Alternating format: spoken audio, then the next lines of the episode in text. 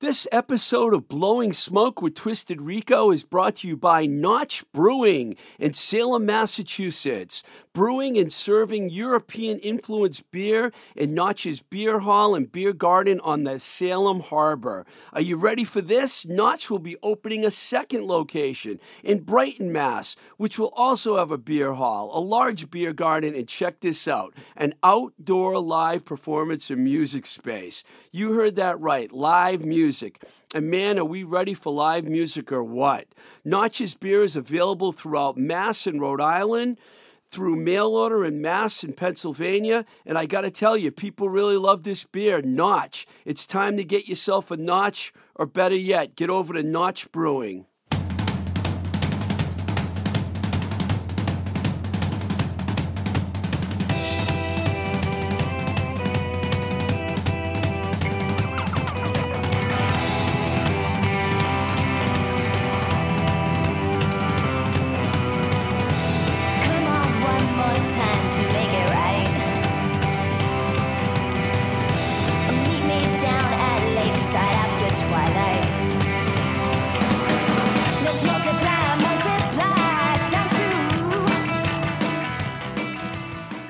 Welcome to Blowing Smoke with Twisted Rico. I'm your host, Steve Ricardo. This week we have an interview with someone who has done it all, played in bands, now manages bands, someone I have a great deal of respect for, Darren Hill.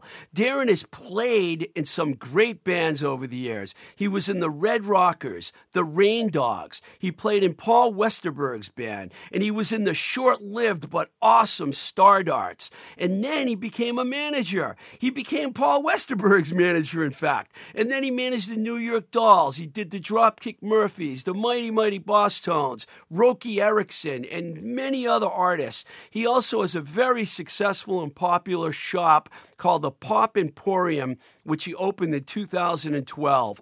It's kind of sad for me to do this interview now that Terry Engeron, good friend of mine who uh, I had a relationship with, uh, passed away a few years ago, but really introduced me to all the Red Rockers. And I wish she was around to hear this interview because she would really appreciate this. So, in a couple seconds, we're going to play the interview for you with Darren Hill. All right, uh, I'm very happy to have Darren Hill on the show today. How you doing, man?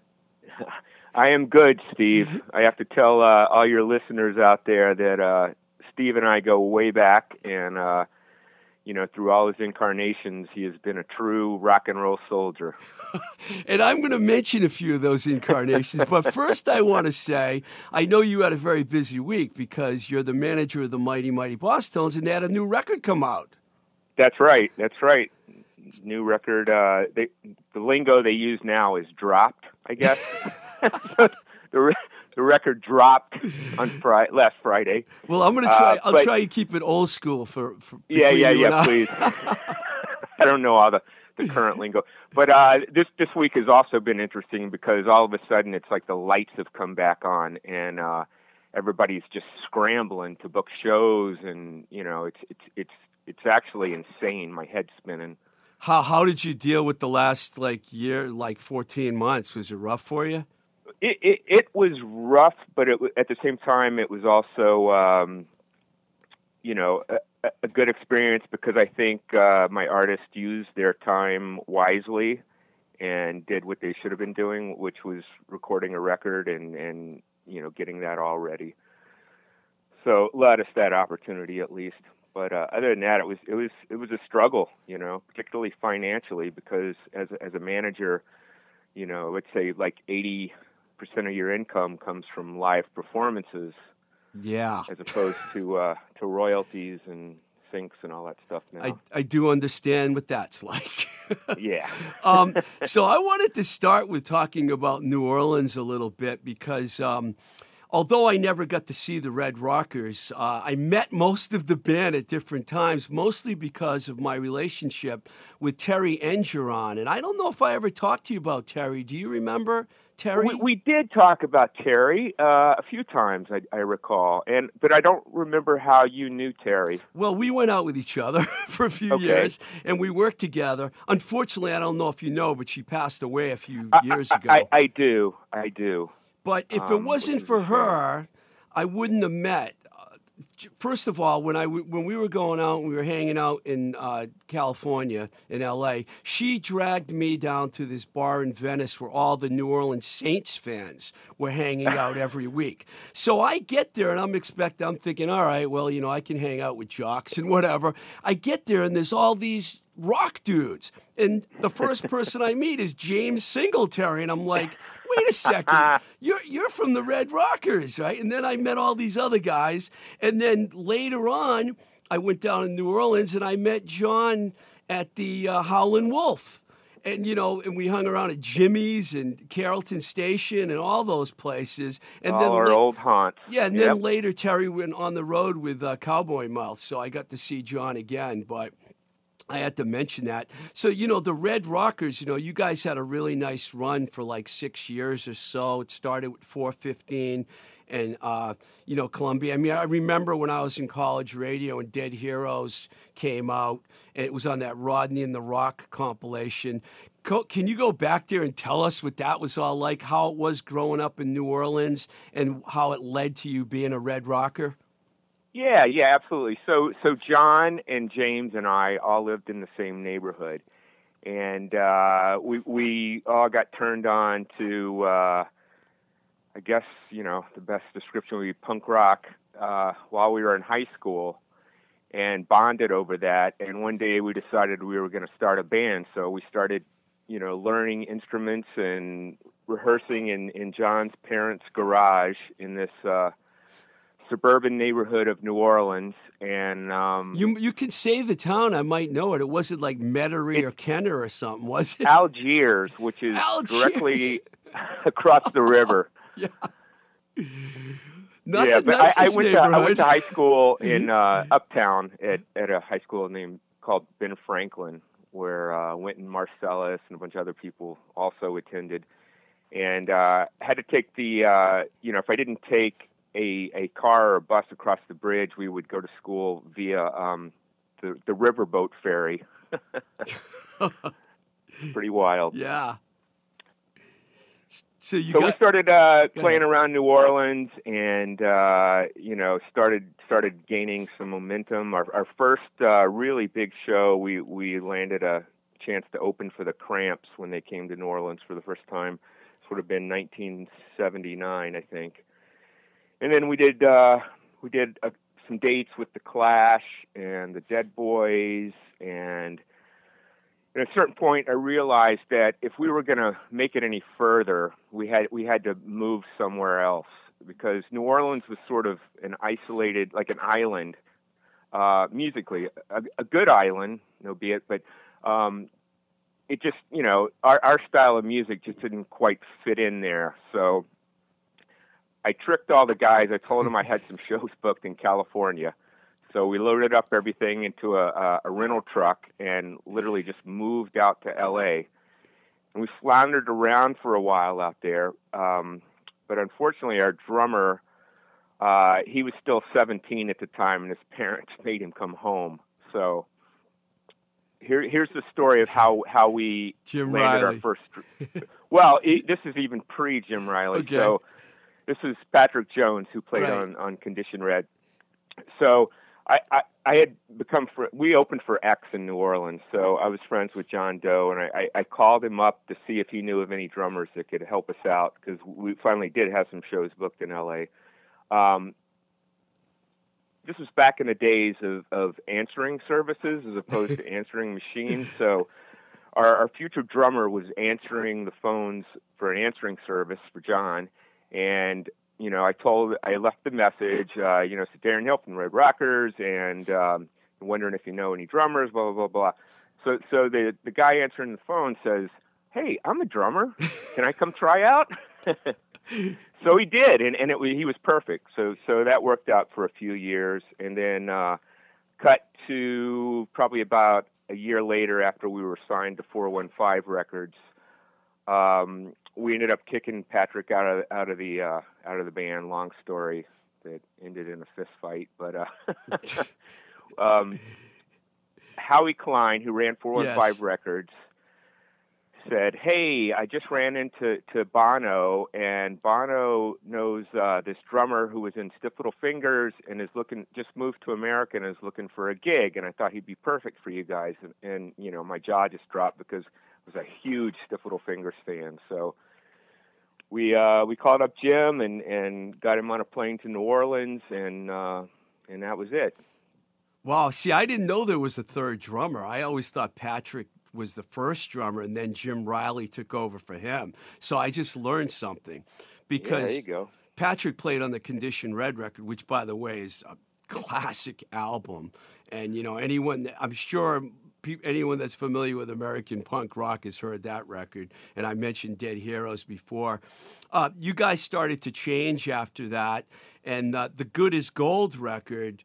Well, you, you actually had a hit single on it, China, and then you really started touring the U.S. I mean, what what was that whole period like for you? That that was insane. We did we did so many amazing tours, you know, with the, with the Go Go's and uh, Men at Work and Joan Jett and U2 and you know on and on and on. It was it seemed like constant touring, and uh, by by this time we were signed to Columbia Records, and you know they they were putting a lot of money behind us, and they hired Annie Leibovitz to do our Wow. album cover, Nice. and uh, you know we we ended up with like number one alternative uh, track on radio, and um, you know charted with with China, and uh, yeah, that was uh, th- th- those were just amazing, amazing times. Every time I get depressed, I just sort of think back as to, you know, what a wonderful adventure I've had. So I didn't know you guys toured with the Go Go's. I have to ask you about that. Did you do like a national tour with them? Yeah, we did, we did actually. That must have been something. Yeah, I just uh, I just posted posted some pictures on Facebook actually in honor of their induction to the uh, Hall of Fame. yeah, yeah. Uh, were you a little disappointed that the New York Dolls missed the cut? I was going to ask. You I was, but. I, I expected that. You know, the, the replacements and the New York Dolls. Yeah, they bands- missed out bands I've worked yeah. with have both been nominated but never elected, and uh, you know, it's sad, but who knows? One day, maybe. Like the Red Rockers went through like a pretty drastic change by the time the uh, Schizophrenic Circus record came. I have to ask you this. Yeah, I'm, I'm not. absolutely. I'm not trying to embarrass you or anything. But No, no, no, no. Did you also hate the cover, or did? Oh God, yeah. I I, uh, I I almost quit the band. Uh, we fired our manager. Uh, it it was it was a colossal mistake that that just got out of control. Supposed to be a, a photo that was going to be on a little tiny flyer lying on the beach, and you couldn't really tell what it was. But the art director at Columbia decided she loved the Ugh. picture so much that she had to put it on the cover. And by the time we we found out, it was it was too late. We were able to to change it for the um, European and UK releases, but uh, God, I, I I thought I'd tracked down just about every copy and burned them, but there's still a few out there, I guess. So way back, I know that must have been rough because I, Oh, I, I, was just looking at the cover again. I And revisited and it. just so not reflective of the music either. So it was just it was it was terrible. Do you still keep in touch with the guys in the band from that era? Absolutely. And uh, this year actually marks uh, the 40th anniversary Wow. of Condition Red. So we're working on a on a reissue because it's been out of print since uh, you know 1981. So we're working on that, and I we've managed to locate um, some unreleased tracks from that period, and it's it's going to be kind of fun doing this. Yeah, probably, well, hopefully culminate in doing a show because everybody's still alive and able to walk right now. So. okay, that would really be something if you guys did a show together. So if you talk to James too, Oh yeah, absolutely, absolutely. James yeah, and I got to know each other fairly well. I checked out some of his LA bands. He was out there for a while trying to get things going. Yep. And John's a great guy, man. You know, you were in a band with some pretty cool people, so Well, you know, I always draw the analogy of, of you know, it's like being in war.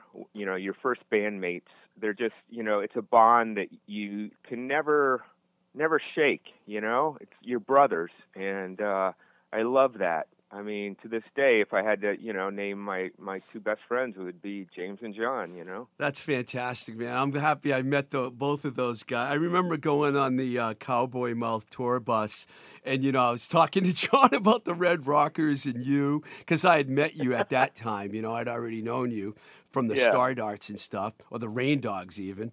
And you know, he was all excited to talk. They played this show at a private Harvard show for a hundred guys in suits in the Harvard Club, and I was Oh, there because Terry fun. Terry was like tour managing him on that tour, and she said, "You want to come?" And I went. It was like me and a hundred guys in the band, and Terry. It was crazy. They got cra- a lot of money from that show, from what I heard. But So- I, I have to uh, digress and tell you a little story about Terry. So there was a rival band that uh, was called the Dukes in New Orleans. and Yeah. they were more new wave than punk, and their fans. Um, they had a lot of girl fans because they were, you know, good-looking dudes and whatnot.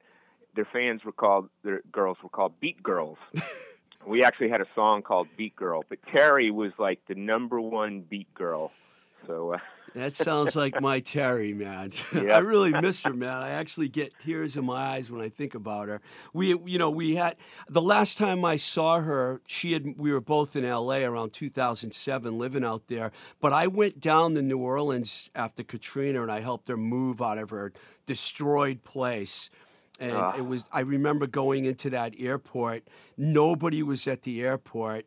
And then I, she picked me up, and like it was the saddest thing I ever saw because I love New Orleans. I'm sure you experienced the same thing Oh, me after too. that. you know what sucks too is we we were um, slated to to play um, the Voodoo Fest that year, and it was it was going to happen like right after Katrina, so they canceled it, and um, they ended up doing like a weird version of it in Audubon Park later on that year that I had the the New York Dolls on, but uh, the Red Rockers didn't didn't play on that one. It was still too messed up down Ugh, there. yeah, New Orleans has gone through some rough shit. So um, yeah, but they're resilient. Yeah, I love people from New Orleans, man. I really do. I, I just, I do. I've met so many cool people from down there, and I loved hanging out down there.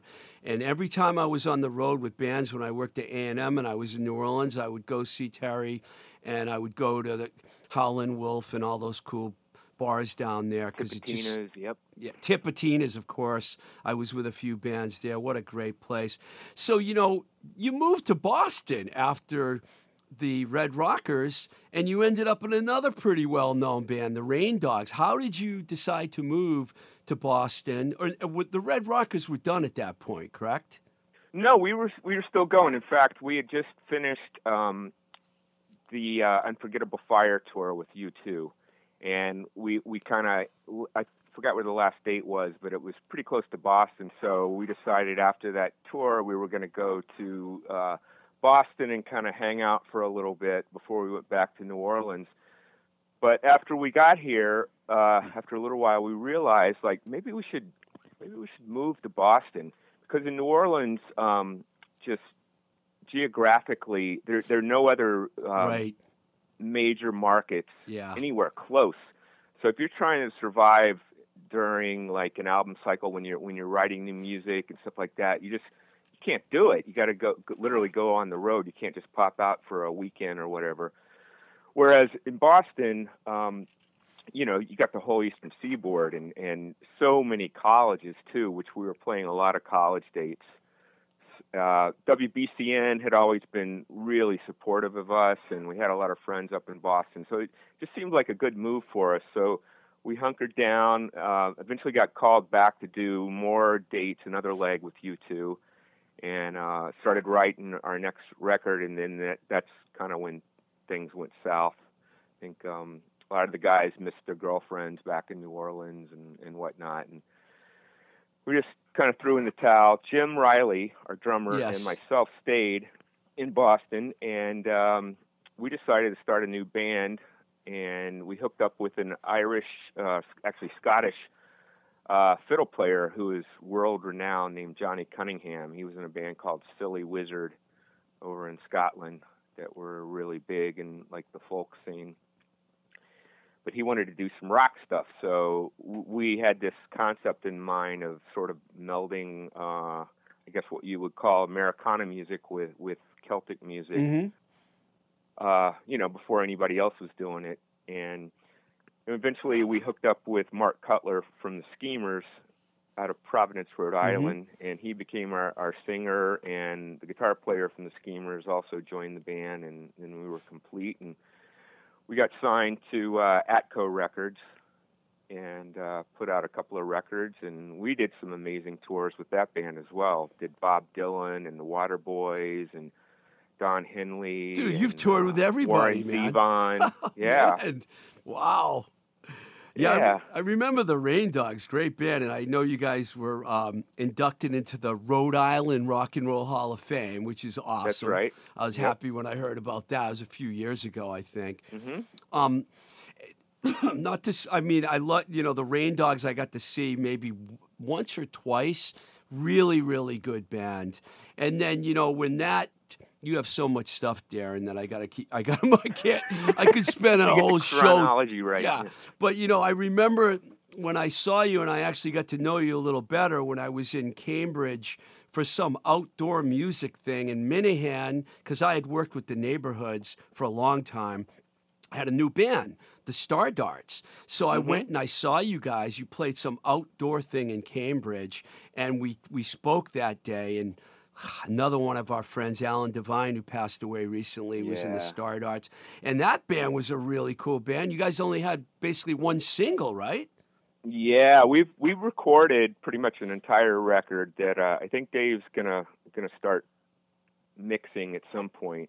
You're We'd like kidding me. It. No, An no, unreleased really Star Darts record? Wow. Yeah, yeah. Well, that'll be popular around here. I'll tell you. We're in Somerville right now, so I mean, I know that'll be popular around here because everything. There you go. Yeah. So, so the Star Darts were an outgrowth of the Paul Westerberg experience. So, David and I both tried out for Paul Westerberg's, from the replacements, of course, his first solo band for his 14 Songs tour. And uh, we went down to New York and, and tried out in separate auditions, uh, but we ended up making it. And, uh, you know, we did that entire tour with, with Paul, Josh Freese on drums. You were on Saturday Yeah. Night Live.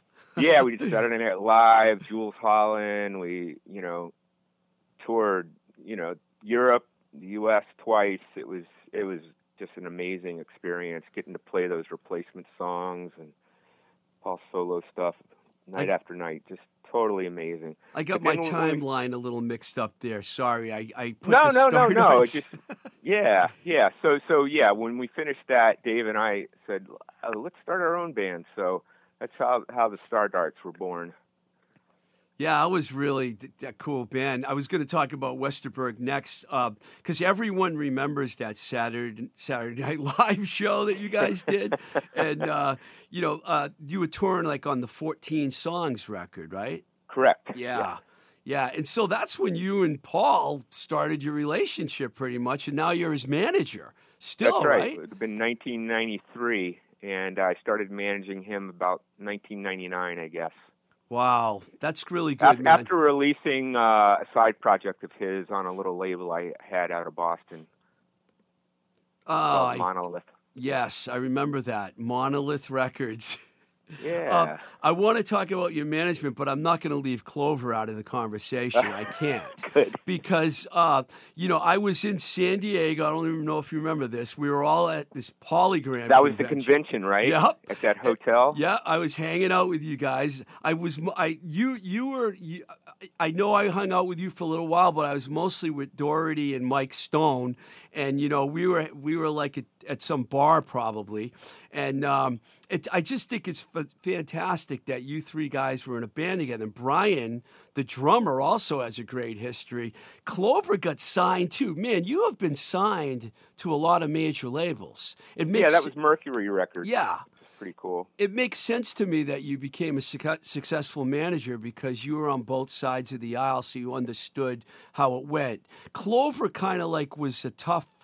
I mean, for for Mercury, they didn't seem like they knew what they, to do with the band. I hate to throw them under the bus, but Yeah, yeah, no, no, you're correct. But it must have been fun playing with Chris Doherty. Chris is going to be on my Oh, show next Chris. week. Yeah, and it's Mike Stone ends up in Queensryche. That was I know. How did you end up with those guys? Well, Chris and I had been friends forever, so uh, you know we were really, really close. Um, I don't know where Chris found Mike. Uh, that I'll have to ask him one day how that went down because Mike was sort of a rock and roll chameleon. So I think Chris w- was pretty influential in, in molding him in, into what he was for for Clover. Very talented guy, though.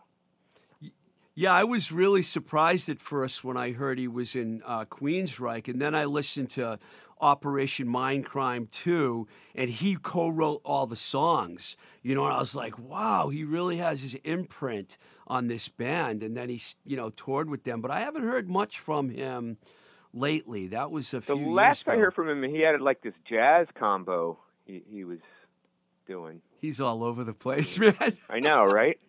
so, I mean, was it after that whole experience that you started up uh, 10 Pin Management? Yeah, that was it. By by that time, I um I had started a family. My son was born. I said, "Shit, man, I got to get off the road. I got to get a real job." But you know, I started looking around. I was like, "What else? What am I going to do?" You know, I don't know if I know how to do anything else because I've been in the music business my entire life. So the logical choice seemed to be to go into management because, as you, you mentioned, I've been on you know the other side of the aisle there and made every mistake in the book, but I also learned from those mistakes. And I, I must have had an inkling that I was going to do that eventually because I, I was very careful to network as much as I could when I was playing in bands and uh, observe and learn as I went along.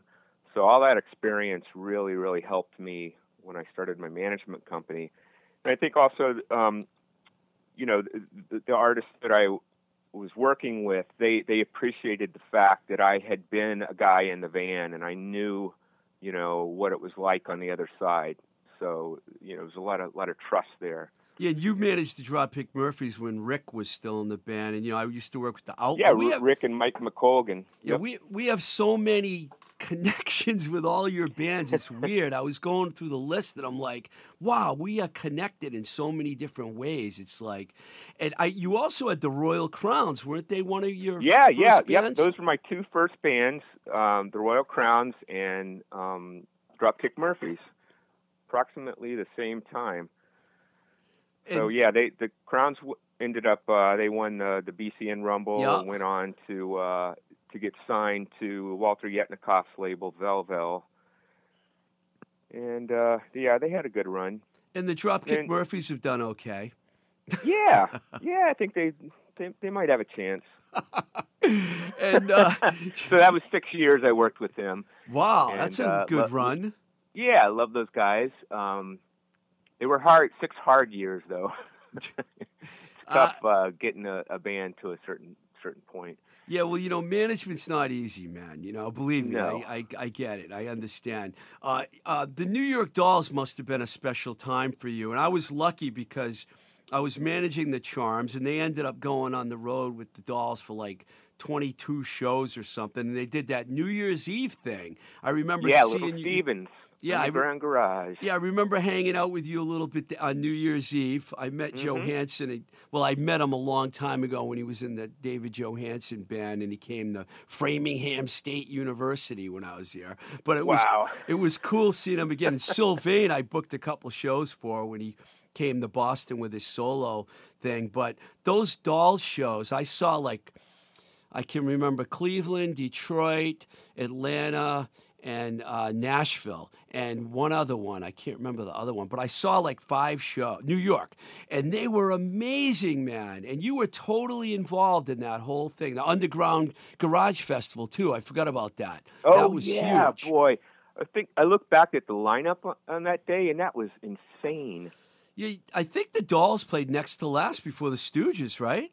Yeah. Oh yeah. Yeah, that was an Yeah. um, Bo Diddley. I remember sitting back with Bo Diddley. Yeah. His trailer was right right across from ours, and uh, you know, Big Star. I mean, Alex Chilton and I were roommates down in New Orleans, so it was great to Really? have him there. Yeah, Wow, that's cool. I never knew that. That that must have meant something. He's considered an icon as far as American songwriters go.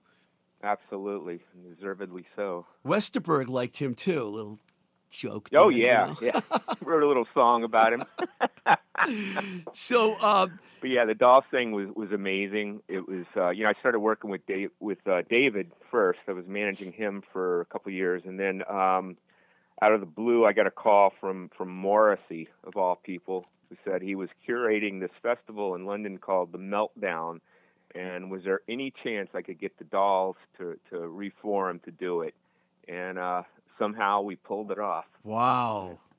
Well, you know, Scarpati's a good friend of mine too. He shot the cover, John Scarpati. Yeah. Yeah. So Oh that, man, that's such a great cover. Yeah, I yeah, I know he told me that Sylvain, Sylvain, rest in peace once again. How many times do we have to do this in one show, man? It's kind of sad, but I, I remember he told me that Sylvain was giving him a hard time because he was standing in the back and he's like, I want to stand closer to the front.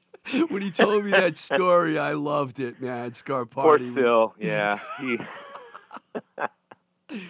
And you know, I, I got a couple more things for you. This might be one of the best things of all the replacements reunion, and you get Minehan to join the band. Now, that, and I had you actually got me on the guest list because the show was sold out in Pittsburgh, and the day before the show got canceled. And I was Yeah. like, Paul hurt his back. I know he was going Yep. through that tour with a bad back, but the replacements thing, talk about that a little bit, man. Oh yeah, well that that was something that I never thought would ever happen, and um, you know we we were constantly getting offers for Coachella and all these other things like insane money, and I don't know how this ended up happening, but uh, you know I don't know if you're familiar with the Riot Fest. Yes. Um, so they were doing uh, three shows that year. Uh, one in Chicago, one in Toronto, and one in Denver, of all places. yep. So they made us an insane offer, and I was able to sell it to Paul and Tommy because this was like an independent festival, not associated with any of the you know Live Nation or big promoters or whatnot. And they just felt like the time was right for it. The timing was was perfect. If they were ever going to do it, this should be it. And uh, I think they just wanted to to give some closure to the legacy as well. So we did it and uh, had so much fun that we just continued the reunion tour for about a year and a half. Actually, Yeah. did some dates in Europe and uh, you know throughout the states, and it was so much fun. How did Minehan get in, involved in the whole thing? Because I know we had a relationship with Paul and you, but it was it was it an obvious choice for you guys? Yeah, and, and and particularly for for Paul because he felt comfortable with David having played with him before. So it was essentially the same band that I was in for Paul's solo tour, uh, only Tommy playing bass instead of me. Because Josh Freese was on Yes. drums for, for both of those. Boy, that So, guy's in the studio so much. I'm surprised you got him to do a whole tour. I know, I know. No, but but Josh, I mean, yeah, talk about a kid that I mean, he he's not a kid anymore, but was when he was playing with us.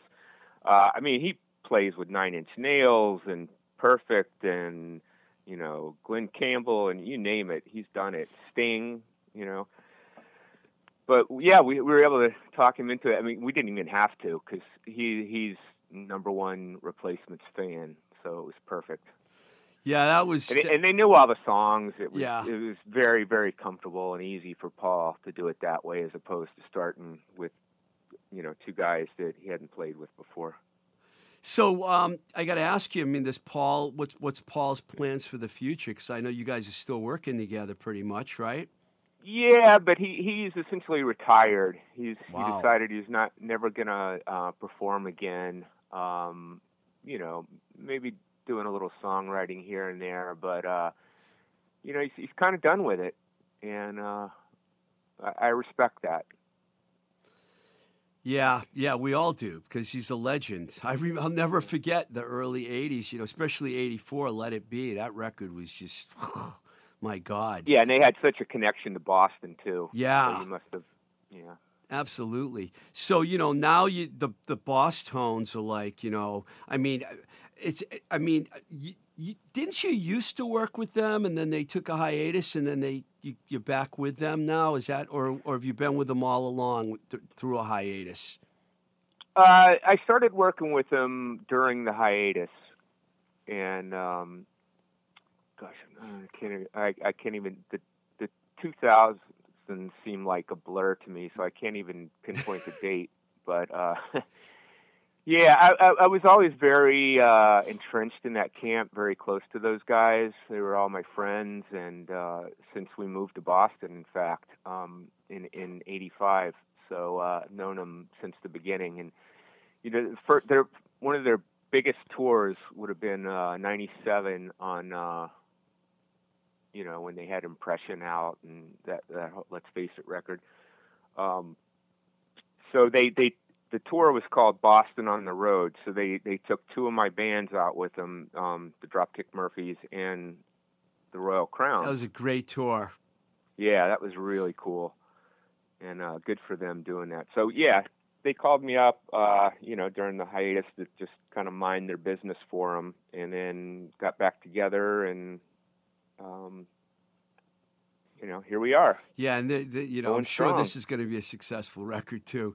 And you know, if I if I before I talk about the Pop Emporium, if I don't mention Roky Erickson, someone will say you didn't mention Roky Erickson. yes. yes. I have it's to. actually Rocky. Um, people always say Roki, but it's Rocky. really? um, wow, I've been calling him Roki forever. well, not since the 13th floor elevators, but I don't know if I was even born then. Yeah, But- a lot of people do, but you know, if you you ask him, that's what, how he would pronounce it. So another uh, R.I.P. You know, Yeah. probably one of the most uh, wonderful human beings I've ever had the experience to share time with. I got to tell you, and what a, what a crazy history he has had. If anybody's seen the uh, documentary about him, you're gonna miss me. You'll understand. Yeah, he's he's a legend, man. You've ha- you've worked with some pretty amazing people, man. I mean, you should be proud of everything that you've done, coming from like you know, I was going to say Algiers, but I don't know if that's yes, exactly yes, the yes. name. Absolutely. I, I got to. Go ahead. I got to tell you, it's it's been so rewarding. Not necessarily financially, but just you know, I, I feel like uh, you know I, I, I can go to rock and roll heaven now. You know, Yeah, and you know, so so. I have not yet been to the Pop Emporium, but so many people talk about that place. I've got to get my ass down to Providence and check it out. Are you guys fully open now? Did you stay open during the pandemic? we we were closed for a while. We opened back up uh, probably about seven, six, seven months ago, just on weekends, Saturday and Sunday. But uh, we we haven't gotten back to doing shows yet, and I'm not sure when that's going to be. But we had some pretty amazing shows in our gallery down there. David Johansen played there once. Yeah, right? we have David Yeah. Johansen. That was our first one. We've had uh, Richard Lloyd from television, Wow. John Doe, um, The Upper Crust, uh, Ted Leo, uh, on and on and on. That is Yeah, an it's a lot of impressive fun. list. well, you know, Darren, thanks a lot, man, for taking the time to come on the show. And, you know, I want to wish you the best of luck with your management company, with Pop Emporium, and whatever you do. You're a great guy. I've always admired you. We don't get to see each other very often, but I, you're, I always think about you, man, because being a manager is not easy. And I know that you know. probably had to deal with a lot of shit. And but your Yep. music career too is fantastic. So thank you, man, for coming on Well, the show. Well, thank you, Steve. Love it. All right, Thank man. you. I'll talk to you soon. Thanks, man. Okay. Bye.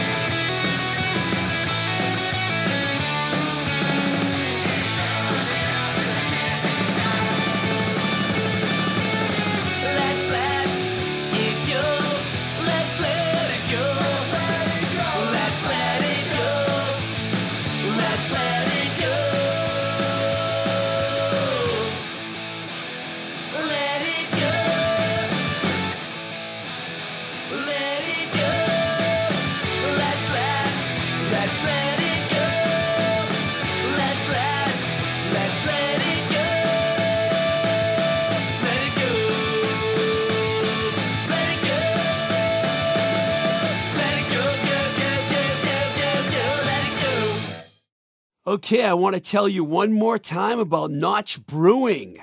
Their beer is so good that you have to check it out. Notch Brewing is located in Salem, Massachusetts, where they're brewing and serving European influenced beer in Notch's Beer Hall and Beer Garden on the Salem Harbor. And the good news is they have a new location opening in Brighton, Mass., which for all you out of towners is right next to Allston. And you probably still don't know what I'm talking about, but this is all part of Boston, basically.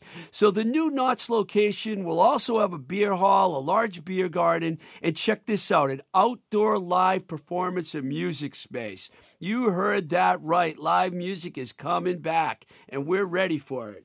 I know I am. Uh, Notch's beer is available through Mass and Rhode Island and through mail order in PA and MA. That's Pennsylvania and Massachusetts. Got to tell you, people love this beer. Notch. It's time to join the Notch Rock and Roll Club and get in on the action. All right, that was a great interview that we had with Darren Hill. And I want to mention right after the interview, we played a little music. It was The Guts, Let It Go. My good friend, Jeff Palmer, who I used to refer to and I still refer to as Jeff Useless. And that's from the self titled album, Let It Go. Uh, just to say a couple more words about Darren Hill.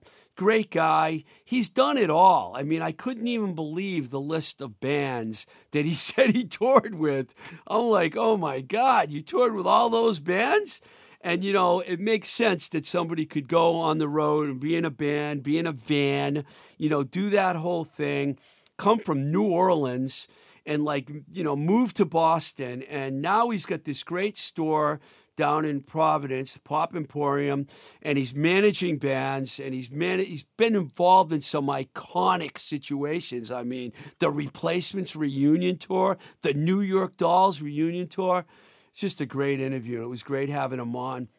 And I'm so happy that I, we were able to talk about Terry Engeron because Terry, uh, you know, rest in peace, loved music just about as much as anyone I've ever met in my life. So, matter of fact, we're going to dedicate this whole show to her in her honor.